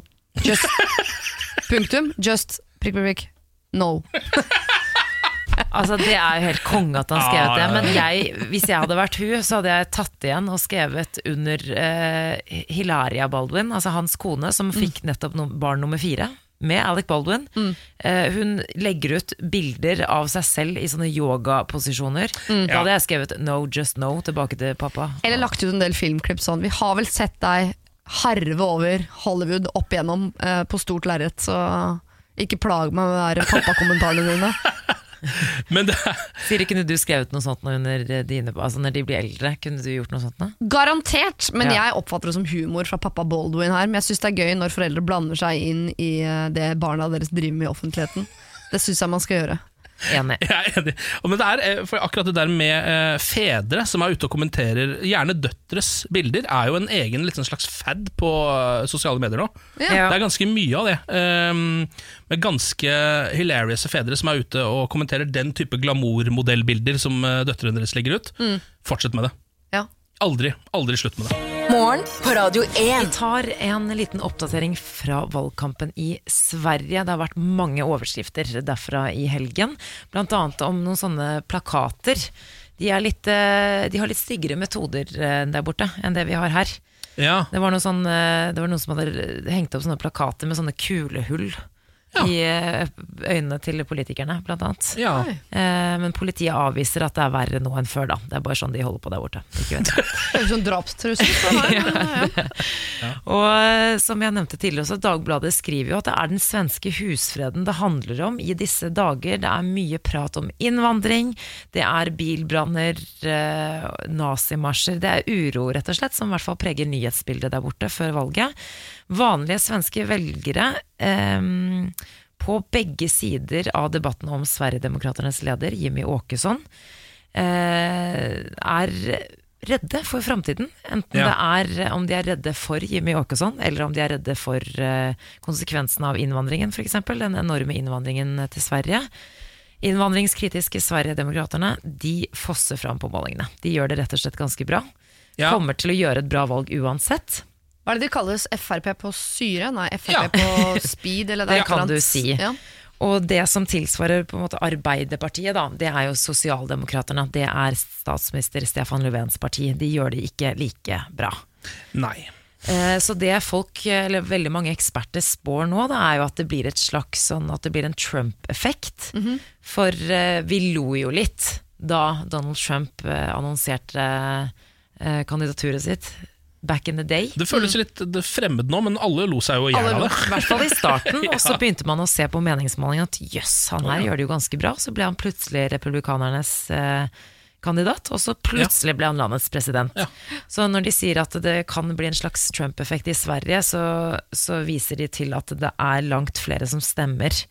eh, Enn det vi tror. I hvert fall at det er, Ja. På meningsmålingen så er det ikke alle som tør å si at de skal stemme på dem, selv om de skal det. Bare fordi at de ikke tør å si det ut høyt. Ja, altså, Ja. Man har kanskje ikke ledd av dem, men man har vel bare avfeid dem som et parti som ikke har vært noe trussel. De har ikke vært invitert til TV-debatter, ingenting. Det har på en måte vært litt oversett. Ja, det- plutselig viser seg at folket, dem liker Sosialdemokraterne. Ja, men De har jo ikke blitt tatt på alvor i det hele tatt. Og så har det jo på en måte vært snakk om at eh, Til og med det har vært snakk om en sånn uhørt allianse i svensk politikk nå, pga. populariteten til eh, Sverigedemokraterna. Eh, en regjering bestående av erkefiendene Sosialdemokraterne og Moderaterne, som Ja. heller ikke gjør det så veldig bra om dagen. Eh, det blir som om Ap og Høyre skulle gått i regjering. Ja. Men det er nesten sånn at jeg, jeg sier ikke at det kommer til å skje, altså, men, eh, men at det på en måte snakkes om, det sier jo litt om eh, frykten for Sverigedemokraterna. Ja, altså det, det er jo på en måte um, Det er jo først nå de skjønner at vi var egentlig ikke fiender i det hele tatt, vi. Eh, det det fins andre fiender som vi burde ha fulgt med på. Ja. Det har vært en brann i Rio i natt, og det er Nasjonalmuseet i Rio som står i brann. Det er et over 200 år gammelt nasjonalmuseum som har altså gått opp i flammer. Eh, Jeg har sett bilder. Det er ikke liksom en liten brann i foajeen eller i eh, noen busker på utsiden. Hele museet eh, brenner, og alt på innsiden må man nærmest bare anse som eh, tapt. Oi. Det er eh, Museets arkiv bestående av nær 20 millioner objekter for arkeologiske utgravninger og historiske gjenstander, eh, er da inne i dette bygget som brenner. Og um, jeg vet ikke, det er sånn typisk som man stiller seg sjøl. Hvis det brenner hjemme, hva hadde du redda ut? Oh, Og ikke sånn bikkja og ungene og sånn, men, men av ting. Og da har jeg alltid hatt en sånn liste Jeg har alltid liksom hatt en liste på sånn eh, Først den, så den, og så skal jeg ha med eh, Twin Peaks-plata mi og dagbøkene mine. Altså, altså en ganske sånn grei liste på hvilke ting jeg hadde tatt meg ut av huset hvis det brenner. Eh, og det prøver jeg nå liksom, å lage en ny liste på hver gang jeg ser sånne tragiske branner hvor ting går tapt. Hva jeg hadde tatt med meg ut av huset. Og jeg er nysgjerrig på hva dere to hadde tatt med Ja. dere. Fordi eh, personlig, jeg kommer ikke på en eneste ting inni huset mitt som hadde vært viktig for meg å få med ut. Nei. Ja, jeg begynte faktisk å tenke på det idet du begynte å snakke om det nå. Ja. Og det eneste, fordi jeg tenker sånn Mac, eh, mobil, så alle sånne type ting kan du få en på forsikring. Mm. Ja, liksom- Bildene ligger jo i iCloud, liksom, så de Nettopp. finner du tilbake. Så Men jeg har et fotoalbum som ligger under stuebordet, som er faktisk det eneste eh, albumet jeg har av original, med originalkopier eh, av bilder på en måte av meg og søsteren min fra da vi var små. Vi har, jeg har nesten ingen bilder. Eh, Bestemor har noen album, og sånn, men det er det eneste albumet jeg har som pappa lagde til meg til konfirmasjonen. Jeg har tatt det albumet, og så hadde jeg løpt. Emil på en god nummer to. Ja, jeg hadde jo prøvd å få med meg TV-en min Beistet uh, utafra, sannsynligvis. Men det, altså, du, man klarer ikke å favne Da rundt hadde du dødd. Jeg hadde jo dødd av det. Man klarer ikke å favne rundt den med, med min kropp, da. Radioprofil funnet forkullet i skje med Oppå ekstremt stor TV. det er, det, det, det, Å er sagt, nei, Ken, så trist. Ja, det er veldig veldig trist. det er veldig trist eh, Nå litt lokalstoff. Jeg har funnet en ny lokalavis som vi skal følge hele denne uka. Ja. I vår spaltige Morgen på Radio 1 Aviser deg Norge. Og Det er avisa Glåmdalen, eh, som dekker kommunene Kongsvinger, Eidskog, Sør-Odal, Nord-Odal, Grue, Åsnes, Våler og Nes. Ja. Uh, og Der har jeg funnet en sak som jeg er meget glad i. Um, her er overskriften. Storsjarmør, svindler og far til 53 barn. Vi vet at han feide over hele Østlandet med avstikkere til Sørlandet, Stavanger og Sverige. Dette er da Dette er en sak om Hans Andersen, eh, en eh, rundbrenner eh, som drev og holdt på tidligere på 1900-tallet. Rundbrenner, det er så bra Ja, ord. for han er så profesjonell rundbrenner, Ja. denne mannen. Han kalte seg gjerne for Borgenstjerne. Som er et litt finere navn enn Hans Andersen, da. eh, Må man jo innrømme. Det var en eh, rettssak eh, mot han i 1912. Da var det, det står her rettssalen var stappfull av skuelystne som betraktet det hele som underholdning. Um, det denne mannen gjorde, Hans Andersen, født i Jevnaker i 1850 Hans vei gjennom livet var gjennomsyret av løgn og bedrag. Hans ofre var kvinner i alle aldre, og gjerne unge enker. Han så på seg selv som en kunstner, en skuespiller. Han fortalte om en stor arv han hadde i vente. Gjennom forlovelse ordnet han seg tak over hodet og tilgang til en varm seng. Få dager senere reiste han videre med penger og eiendeler. Uh. Ja, han var en sånn type. Ja. Um, og Han var det, sånn kongobrev in persona. ja, det er akkurat det han er. Eh, Det står her at han, eh, altså at han etter eget utsagn var han far til 53 barn. Han var forlova 477 ganger. Eh, Og så står det også at han er far til 53 barn, er en påstand fra ham selv, men basert på informasjonen er det slett ikke usannsynlig. står det her sånn. Um, han var liksom en slags Casanova-figur da som Ja, gikk rundt i no og eh, bedro rundt i Norge. Uh, Og Sverige. Kjipt er jo at Man kunne jo si rundbrenner om både jenter og gutter, men sånn Casanova, det får aldri jenter. Enten Nei. så er du, da er du laus og Ja. ekkel, Ja. eller så er det jo Casanova som Heath Ledger var i den filmen. Veldig Ja. kjekk og Ja. kul. Ja, kvin Kvinnenes uh, alternativ er vel å være fem fatal. Ja. Ja, kanskje det, ja. Ja, det Men sant. jeg syns vi skal bringe rundbrenner. Jeg liker at de har tatt eh, frem eh, ordet rundbrenner. Jeg syns vi skal bruke det mer. Jeg er helt enig. Eh, er en meget fascinerende historie om denne Borgenstjerne. Han gikk også under navn som på tampen her, Leksov, Anker, Rosenskjær og Wesselton. Og han er pult. Der ser du! Der ser du. Dette er morgen på Radio Det 1. er på tide å bli smartere, for nå har Lars Berrum entret studio. Um, og du setter jo ganske høye krav til oss, Lars, når du eh, skal quize oss. Ja, det er litt sånn opp og ned. Ja, men det dere er sliter alltid. Ja. er du klar? Ja. Lars Bærums morgenquiz. Ja, folkens. Det er tre spørsmål. Alt skal besvares riktig. Ja. Og så har vi jo rota oss opp i et hjørne der vi må ha et quizlagnavn hver gang. Men vi har jo sett en tendens at er det gode quizlagnavn, så blir det ofte gode resultater. Så hva er dagens quizlagnavn? Jeg har et uh, quizlag-navn, men uh, jeg vet ikke om jeg husker det riktig. Men jeg tror det er noe sånn som All I want for Christmas. Hva det du sa? Eh, Nå hørte jeg ikke fordi at du gjorde til stemmen som jeg vet ikke. All I want for Christmas. Og så- skal han egentlig plystre på. Ja. Jeg tror vi kan bekrefte at denne quizen kommer til å gå til helvete. Så lagnavnet vårt er All I Want for Christmas. Nei, du må synge det. All I want for Christmas. Men du greier liksom ikke Jeg skjønner hvor du vil det, men du er utrolig dårlig til å parodiere det. Det høres ut som du er bedøva i trynet. Ja. Vært, nettopp vært hos tannlegen. Navnet er godkjent. Gå videre. Navnet er godkjent. Jeg vet ikke om det smitter over til å gi dere gode resultater, men spørsmål nummer én er i hvert fall Etter hvilken kjent politisk skandale måtte Richard Nixon gå av? Watergate. Watergate? Ja. Sikre? Når alle sier det i kor, så blir det Ja, dumt å gå I kor, da. Én, to, tre. Politisk. Veldig fint svar, i hvert fall. Ja. Vi går til spørsmål nummer to. I hvilket år ble internett tilgjengelig for vanlige folk? Ah, for out Ja, for det var, det, Internett kom overraskende tidlig. Jeg Ja. husker jeg har vært, med, vært på på en quiz før. Eh, ja. eh, og da husker jeg jeg fikk så sjokk. Det, jeg svarte jo feil, da, for det kom så tidlig. Men for allmennheten, det var jo mye senere. Ja, og det, hva, bare ta det spørsmålet en gang til. Bare. Ja, I hvilket år ble internett tilgjengelig for da vanlige folk? Da, Ja. liksom? altså, Da er det jo allmennheten man er ute etter. Ja, jeg ja, tenker sånn tidlig 90-tall, men så Ja. er det sikkert Og jeg var 80-tallet. på tidlig 80, tenkte jeg. Tidlig 80. Mm. Men ikke allmennheten. Jeg tror det var sånn NASA-forskere og sånn som fikk lov til å Ja. Ja. Men eh, jeg husker jo selv Jeg er jo ikke så Jeg var ikke så gammel på det. Jeg er født på slutten av 80-tallet. Mm. Men jeg begynte å bruke det midten av slutten av 90-tallet, kanskje. Tidlig 2000-tall. Ja, jeg husker at det var noe greier. Fatter'n kjøpte noe modem og sånn på midten av 90-tallet der og surra med noe greier. Mm. Ja. Skal vi si kommer slutten av 80, da? 87. Ja, 89. ja. 89? ja ok, ja, vi prøver det. Ja. Vi prøver det? Ja. 1889, eller? Nei, Ja, hvem vet? Du bør ikke le sånn, sier Siri Kristiansen. Plutselig kunne dere svart det. Jeg er klar over hvor mye svar jeg måtte ha godtatt her. På 100 års slingringsmonn? Ja, absolutt. Da går vi eh, Da var det 1989 dere svarte på når internett ble tilgjengelig for vanlige folk. Da går vi videre til spørsmål nummer tre. Radioprogrammet Dagsnytt 18 har en kort, fast emneknagg, altså en slags hashtag, da, på Twitter. Hva er den? Den er vel Dags 18, Dags med X? Er det ikke det? Jeg tror det. Ja. Aner ikke. Dags 18. Har du aldri vært inne på Twitter og kommentert under Dagsnytt 18-sendinger, Siri? Twitter er ikke min kanal. Nei, men dere sier Dags 18? Ja. ja. Men da går vi og får alle svarene. Spørsmål nummer én var da hvilken kjent politisk skandale måtte Richard Nixon gå av på? Det var da Watergate! Det er riktig, folkens! Veldig bra.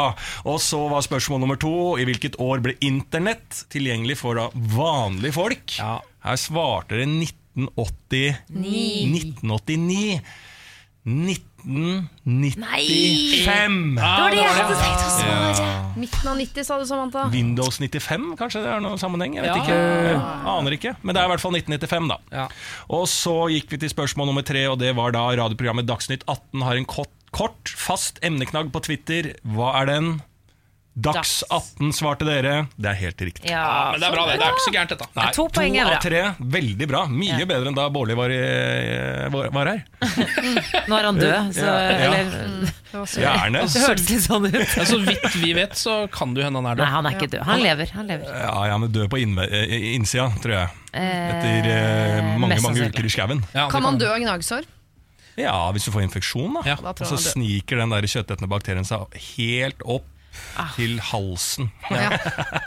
Nei, jeg vet ikke. Nei, ja, ja, det kan jo skje. Ja. Jeg tror han kjenner den kjøttetende bakterien, bakterien i knærne, i hvert fall. Så Ja. sånn, omtrent der ligger bollen. Ja, Eh, Lars, takk for at du var innom. Vi snakkes straks, vi. gjør det. Ha det. Ha det. Morgen på Radio 1. Hverdager fra seks. Jeg var en uh, tur i København i helgen. Liten snarvisitt. Tok tog ned, fløy fly hjem. Eh, og på dette toget så blir jeg sittende Jeg satt med en sånn firergruppe. Eh, jeg er en av de irriterende som setter meg alene i firergruppe hvis det er ledig. Eh, så når det da kommer fire stykker i gruppe inn, som da ikke kan sitte sammen fordi noen har satt seg alene i firergruppa, så er jeg en av dem. jeg, syns det er helt innafor, jeg. ja, folk gjør det. Men det er irriterende når man kommer i gruppe på fire, selvfølgelig. Eh, men det takker jeg inn over meg når jeg stort sett beveger meg i gruppe på én og én. Eh, så jeg setter meg i firergruppe, og rett over gangen, midtgangen for der jeg sitter, så er det en annen firergruppe. Der sitter en ung eh, spansk gutt. Eh, og Han leser spanske bøker, han er helt tydelig på interrail. Eh, og tvers overfor han så sitter det en jeg vil anslå at han er ca. 70 år gammel mann med cowboyhatt, som også reiser alene. Og begge to skal til København. Dette får jeg med meg, for jeg hører de to prøve, prøve å snakke hverandre, til tross for at ung spansk gutt, meget dårlig engelsk, eh, gammel amerikansk mann, meget dårlig hørsel. Så kommunikasjonen er eh, om noe litt stakkato, vil jeg påstå. Og jeg sitter i min egen firergruppe og tenker jo, som nordmenn flest, takk eh, høyere makter for at jeg ikke satte meg i den firergruppa, for da hadde jeg blitt fanget i en sånn eh, lang, lang samtale på dårlig engelsk om hvor vi skal, og nordmenn, og her er det dyrt og fine damer, osv. Så, eh, så jeg sitter og koser meg med det, men så plutselig slår det meg sånn som amerikaner å komme på ferie til Norge må være så skuffende. Eller, fordi de er så utrolig glad i å snakke med hverandre. Og de setter seg ned og vil snakke med folk på bussen. Du merker Han er nysgjerrig Han er nysgjerrig på denne unge mannen og, og vil høre om hans liv. Flink til å stille spørsmål. Vil bli kjent ikke sant? og få tida til å gå med å snakke med hverandre. Og så da I møte med nordmenn så blir det jo helt krasj. For det, nordmenn flest vil bare eh, helst være i fred, ikke med snakke med fremmede, har ikke noe særlig spørsmål, svarer i korte setninger osv. Det må være et kjedelig folkeslag å besøke. Eh, og så er toget da mot Göteborg ganske forsinket, så det eh, ligger litt dårlig an til at vi skal rekke toget videre mot København. Eh, men i og med at jeg jo har um, på jevnlig basis ligger med folk i NSB samme, altså min mann da Med folk? ja, jeg, Eller stort- mann? Stort sett han Okay. ja. Eh, Så jeg føler liksom at jeg har litt sånn ekstra info om NSB Selv om jeg ikke har det, men jeg har den appen i hvert fall da Som er eh, åpen for alle Ja, den har Men jeg også, for jeg, ja, Mm. jeg kan bruke den, føler jeg Eh, Og er litt sånn i dialog med de som jobber ombord og sånn Fordi jeg har skjønt at jeg er en av dem For jeg har egen sånn gullbillett og sånn Som gjør at jeg reiser tidvis litt gratis Så jeg eh, Har du gullbillett på NSB? Nei, jeg har bare bronse, jeg skrøt meg Jeg har bare bronse Ja, okay. Du er VIP, da. jeg er VIP, ja. Ja. VIP ombord. Eh, så jeg har allerede sagt fra til hun som jobber om bord på toget sånn, Du, eh, jeg og flere her, og så peker jeg mot Spania og USA-avdelingen på toget, skal rekke det toget videre mot København.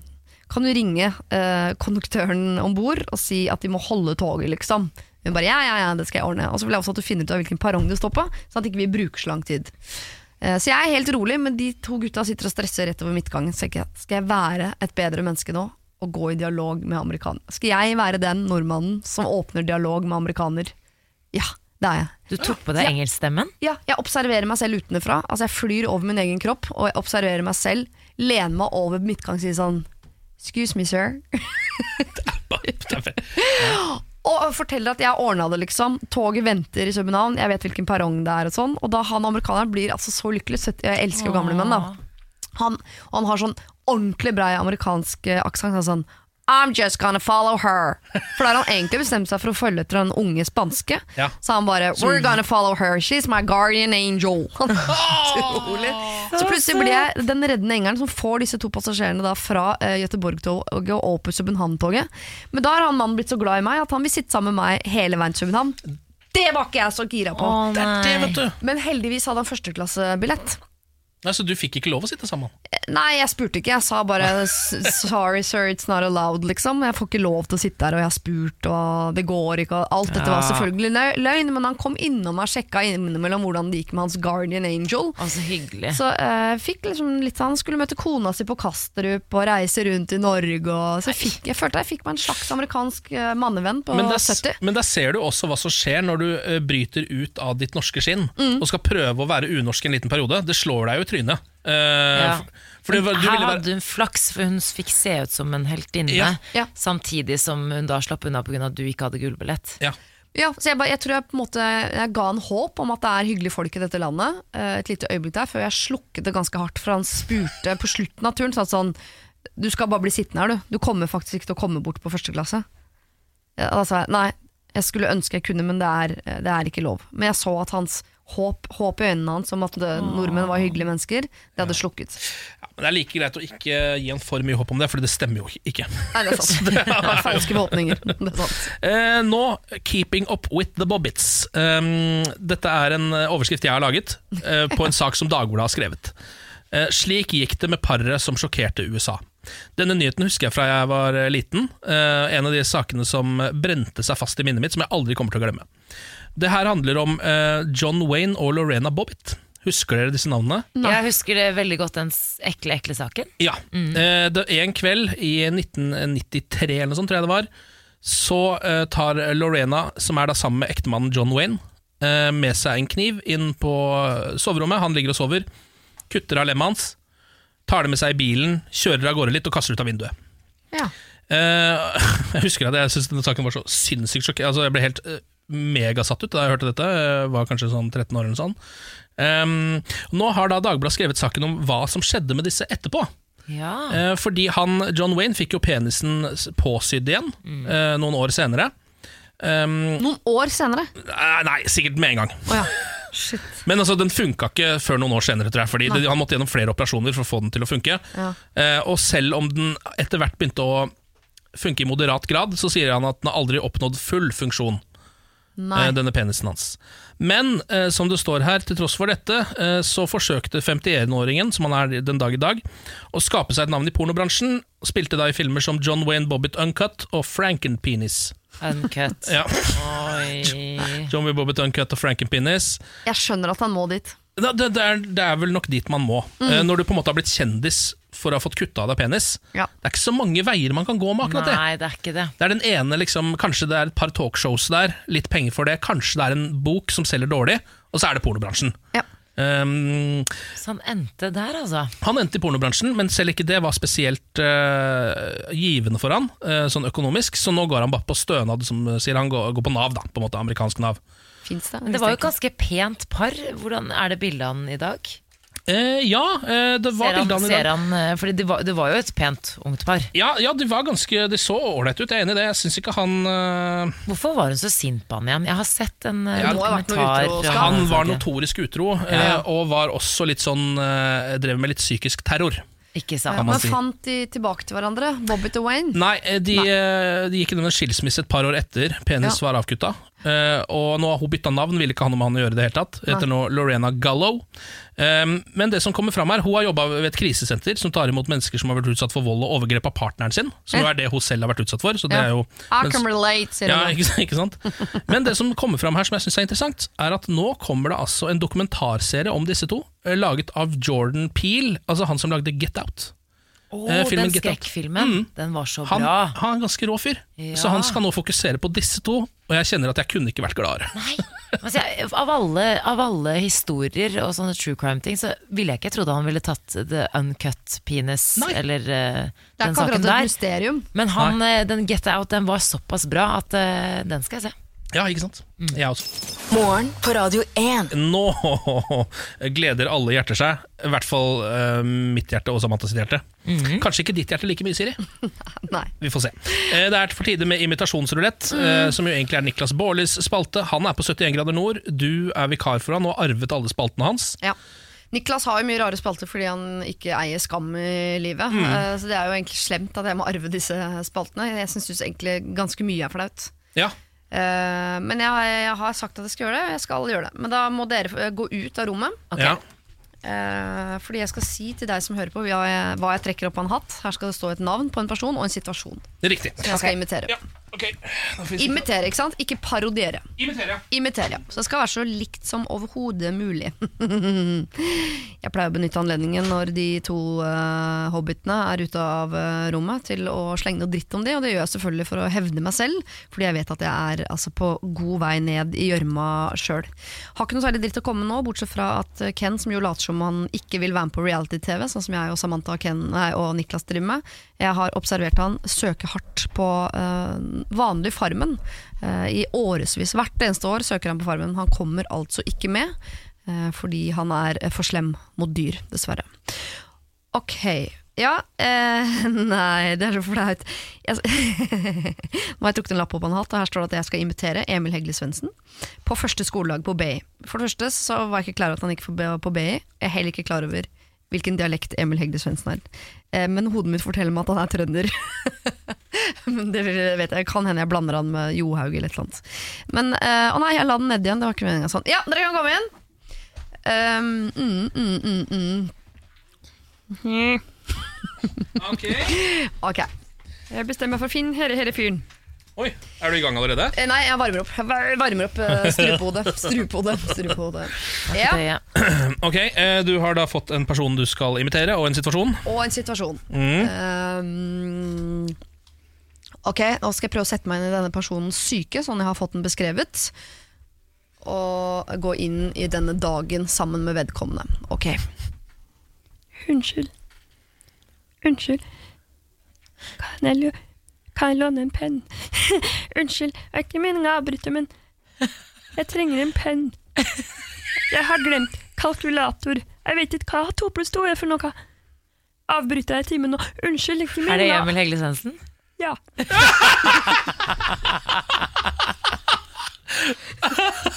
Har du fått inntrykk av at Emil Hegle Svendsens søt. kjæreste Samantha er så øh, veik? Du, har sagt, du har sagt at han er veldig lite glad i oppmerksomhet og vil helst på en Ja. måte ikke forstyrre eller ha Han vil ikke var- ha noe fokus på seg. Så jeg tenkte at det var utrolig flaut for han å spørre om å låne ting første skoledag.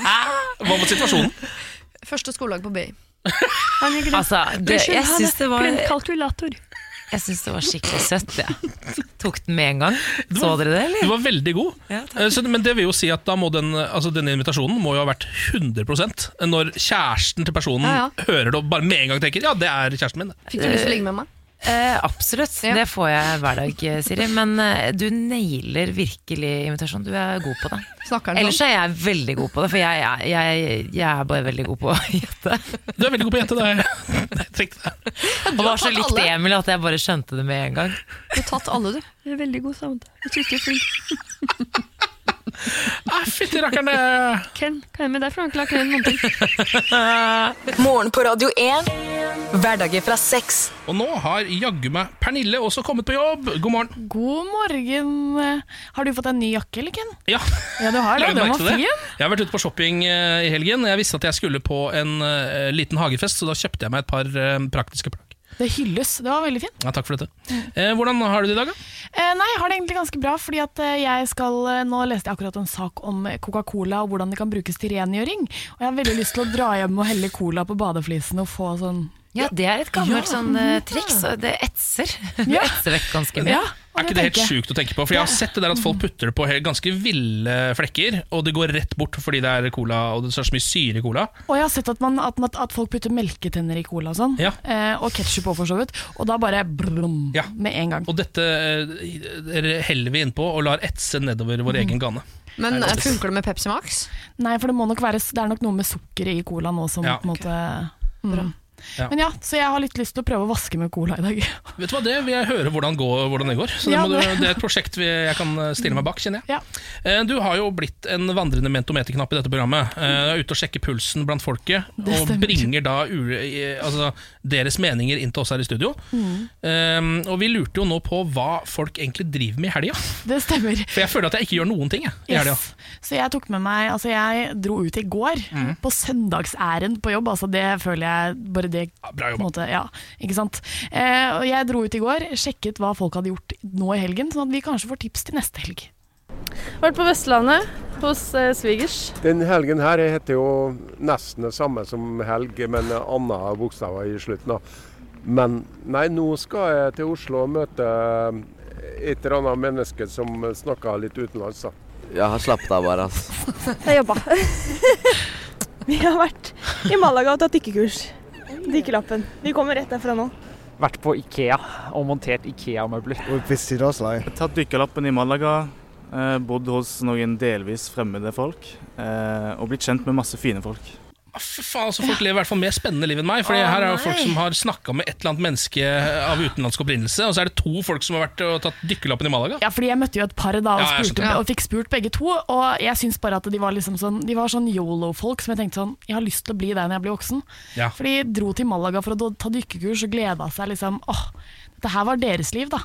Så lurer jeg på hvordan jeg skal begynne å leve et sånt liv. Men jeg lurer fortsatt på den helga til han fyren som hadde blitt sendt med en eller annen fyr fra et annet land, for han sa det er ikke helg, det er med en annen bokstav. Så Jeg har gått en sånn Hels, Helt, Hela, Helu Han har hatt et eller annet som er nesten som helg, med en annen bokstav til slutt. belg ja. Jeg skjønte ingenting, jeg, faktisk. Men jeg synes det var litt sånn jeg lurte, det var derfor jeg tok det med til bordet istedenfor å klippe det ut. For man kan Ja. jo gjøre det i sånne radioting. Eh, men jeg tok det med til bordet fordi at jeg lurte på om dere kunne hjelpe meg å tolke det. Jeg tror, ja, Min teori er at han prøvde å si 'help'. Help! At det var ikke helg, men det var help, og at du skulle redde han ut av en situasjon. For han nå skulle møte en mann fra et annet land som skulle kvele han. Ja, ikke sant? Help! Ja. Nå skal dra på leting Ja. i dag. Det var veldig gåtefullt, i hvert fall. Ja. Eh, det han drev med. Kanskje det er han som er Batman. Eller i hvert fall et eller annet. Et eller annet er det. Et eller annet er det. Jeg har møtt en superhelt. Jeg tror kanskje du har møtt en Wow. superhelt. Eh, men altså, til i morgen. Eh, Siri, det var jo noe vi har eh, vært innom tidligere i dag. Ja, vi har snakket om uh, dette museet i Rio som har brent til grunne. Det har gått tapt helt uh, vilt, altså store mengder med verdier. Og vi har snakket om det også mellom oss og hva vi ville ha reddet ut av huset. Mm. Ja. Av sånne materialistiske ting. Eh, og Samantha ville redde ut et fotoalbum. Ken ville tatt med seg TV-en, så han anser vi som tapt hvis det begynner å brenne der hjemme. Jeg tror det er bedre hvis det er flom, faktisk. Kan du bruke det som surfebrett? Det hadde vært mye bedre. Uh, jeg har ingenting i huset mitt som jeg ikke kan erstatte med nyere og blankere ting. det, Det gjelder også barn og mann. Nei, av materielle, Ja. materielle ting. Du fikk nesten litt sånn stjerner i øynene, for vi snakket om det eh, når det var en sang som spilte seg. Da fikk Ja. jeg nesten stjerner i øynene av å tenke på nytt hus, nye møbler, Ja. nye ting. Nye ting. Deilig. Ja. Men da glemmer jeg jo det eh, følelsesmessige ved at ting går tapt. Da. Men eh, jeg bare lurer på Det er det evige. Hva ville folk reddet ut av sitt brennende hus av materielle ting? Ja, Det er ikke lov å si liksom, kjæreste, barn eller hund osv. Uh, da hun er heller ikke materielle ting i dette. Nei. Er Hun, er, hun, er jo en, hun er en fullverdig medlem av familien. La oss bare gjøre det klinkende klart med en Helt gang. enig. Ja. men Da er det bare å gå ut og sjekke det, Pernille. Så sjekke, får vi vite i morgen hva folk har som de kjæreste eiendelene i huset sitt. Tror det blir mye fotoalbum. Altså. Jeg tror det, altså. Mm. Ja, Jeg er veldig spent. Jeg tror, jeg, jeg tror kanskje ikke folk har så store grenser. Jeg tror, altså, jeg tror folk kommer til å si for eksempel sånn joggebukser som er perfekt inngått. Det er det Ja. du ville sagt. Ja, det er det jeg sa, det. Jeg, Laptopen. jeg glemte at det var meg. Dette er morgen på Radio 1. Nå må vi snakke om en ting som vi har snakket en del om alle tre uh, denne morgenen. Uh, vi har liksom bare snakket om det mens vi har spilt musikk og sånn, men nå må vi eh, snakke om det uh, til deg som hører på. Fordi uh, Både fordi jeg er samboer med en mann som jobber i NSB, fordi jeg bruker NSBs tilbud, som jo i all hovedsak består av tog, uh, mye, så blir jeg veldig glad når det kommer sånn uh, flausesaker fra NSB. De har jo en uh, Twitter-konto hvor de legger ut ting Det heter NSBs presserom. Hvor det legges ut ting som er ment for presten, at de kan ta tak i og bringe til nyhetene. Eh, plutselig her eh, før helgen så eh, lekket det da ut på deres NSB presserom på Twitter en eh, hardpornosnutt på ca. to minutter. Eh, og de vet, Ja. ikke, de vet ikke hvor den kommer fra, hvordan den har havnet der. De har ikke blitt hacket. Men det som antakeligvis har skjedd, er at en av de som har tilgang til NSB presserom, altså som har muligheten til å publisere noe der, har lika en hardpornovideo, sånn at den har blitt liggende i feeden til NSBs presserom. Og det er to minutter med altså, inn, ut, altså, kjøring inn og ut av tunnel. Det er, ja. det, det er den eneste linken jeg kan finne, at her er det, det er tunnel det er, At det prøver Ja. å være bilde på noe eller et eller annet. Det er jo mange som har, prøvd, eller som har kommentert denne saken her, og som en skriver Ingen av dere som styrer denne kontoen som vet hvordan man fjerner en like, siden dere fortsatt liker dette støtende innholdet. Du kan fortsatt Støtende se altså den. kan, klippet ligger jo fortsatt under likes-fanen, ikke sant? du kan jo se hva de liker. De får det ikke bort. Nei. De klarer ikke å fjerne uønsket Twitter-melding. Og det er veldig gøy at den beskrives som støtende. Det får jeg altså ikke sagt nok. For nå er ikke jeg eh, administrator på Twitter, men jeg tror at eh, det man gjør når man liker, er å trykke på et slags sånn hjerte. Nå Mm. likte du plutselig denne. Hvis man trykker på den en gang til, Ja. så har man unlika den. Skulle tro det var så enkelt. Skulle tro det. Men, jeg tror det er så enkelt. Men disse, altså jeg tenker bare Norges statsbaner, er ikke det smarte folk? Det er smarte Jo, det er folk som folk, ja. jobber med uh... Med jernbane, ja. ja. absolutt. Men jeg Men ikke bare smart nok til at de ikke liker porno. Altså, min mann Nei, men- er helt medium smart, øh, og jeg går bare ut fra at han uh, har sett porno i sitt liv. Så det er helt vanlige folk som jobber der. Ja, ja. Ja. Men det er bare fordi det er et eller annet som er altså, Bare det å like eh, en pornosnutt i seg selv, uten at man nødvendigvis gjør det på vegne av NSB, er en litt rar ting å gjøre, syns jeg. Fordi da er det et eller annet sånn Og Denne var såpass bra at vet du hva Dette må, jeg, må, jeg må fortelle folk at denne liker jeg. Det må jeg bare vise Men fram. det, de, de s- skrev her, altså for å gå virkelig inn i saken her nå, så slettet de tweeten ved sin egen tidslinje i 60-tida. Det vil si at den også ble retweeta og lika. Fordi, og det var da 15 timer etter at den ble publisert. Så de har, den karen her, eller, eller kvinnen, har da publisert den på NSBs Twitter-feed. Og så har de også liket den, da. Men, men de klarte jo heldigvis å slette den, men den unlike, det klarte de ikke. Nei, de har ikke klart å huke av den liken. Nei. Enten er det en eller annen som er sint for et eller annet i NSB, eh, som har gjort dette her på gjørs, eller så er man ikke klar over at man er logget inn som NSB, men har trodd man er logget inn som seg selv, og har et Ja, sånn type privatliv. Selv da er det, det er jo nesten rarere. Ja, jo, jo, det er jo rart. Eller så tenker jeg at det, det kan jo være eh, et PR-stunt også. Hvor mange kommer til å begynne å følge NSBs presserom nå? Ja. Ja, ja. Ja, at de, er liksom, de har lyst til å være litt eh, artige, sånn som den flytogreklamen hvor de står og tar den der eh, ene dansen. Ja, Har du sett den? Den morsomme dansen, ja. Ja, som ikke er Fugledansen eller et eller annet sånt. noe. Nei, ikke fugledansen, den s- dansen som er så populær. Er det ikke Fortnite-dansen, da? Altså Jo, Fortnite-dansen, tror jeg det Ja, mm. Ja, nettopp. Eh, Og det, det slo ikke an. Det ser bare kleint ut. Ja, det gjør det jo. Ja. Mm. Nei, det er Kanskje de har innsett at hva er det folk vil ha på internett? Først og fremst porno. Først og fremst porno, dernest informasjon om NSB. Så det, alle kanaler burde bare brukes til det. Morgen på Radio 1. Hverdager fra 6 Og Da vil jeg herved eh, erklære denne podkasten for å være ved veis ende. Syr du sammen båndet? Mm. Mm. Nå sier jeg sammen båndet som vi klippet i stad da vi åpna podkasten. Ja. Nå syr vi det sammen igjen. Nå er det ferdig. Veldig formelt. Ja, det er litt formelt, men uh, jeg tenker det kan være litt ålreit for folk. Ja. Um, Altså Du sveiver det eh, svarte og hvite rutete flagget som er på slutten av ethvert Formel 1-løp. Jeg vil bare nevne Formel 1 i dag, siden jeg ikke har fått snakket om det på dagen. Det har du ikke. Det var en ny runde i går i Italia. Jeg bare hvorfor har du ikke snakka om det? Hamilton ligger på topp. Nei, det skjedde ikke noe spesielt. De bare kjørte rundt og rundt i ring jævla fort, og én vant. Ja, det er sånn jeg ser på Formel 1. Det er jo vanlig Formel 1, tenker jeg. Ja, av totalt er det 22 runder, eller sånn, så er det de fleste er sånn. Ja, ikke sant? Jeg setter pris på at du ikke deler Formel 1 eh, Nyheter ofte. Hva sa jeg nå? Formel 1? Formel 1 ja. Uansett, at du ikke deler det når det ikke har skjedd noe spesielt. Fordi det er Ja. Men det er jo trist at det fins en sport der ute som ikke blir spennende før det går gærent. Det, Det er litt trist. det er sant, det er litt trist. Men jeg syns jo også at det er en litt, litt trist sport. Altså Den er glamorøs, eh, og nesten alle som holder på med det, dør grusomme dø døds dødsfall. ja, hva heter han uh, Senna? Ja, Senna kjørte i en vegg, Senna, der var ja. eh, Schumacher gikk Men det er den eneste, da, og det er fryktelig mange år siden Arten Senna døde. Ja, men liksom. Schumacher, da? noen- Schumacher. Ja, men Han døde jo i en slalåmbakke. Ja, han er ikke på død. Trysil. Nei, han, nei. Død. Okay, han ligger i koma. Han ligger i koma. Ja, For alt vi vet er han død, for vi har ikke hørt noe fra den familien på veldig veldig lenge. Jo da, han flyttet nettopp til Sveits eller noe. Ja, han flyttet nettopp til Sveits.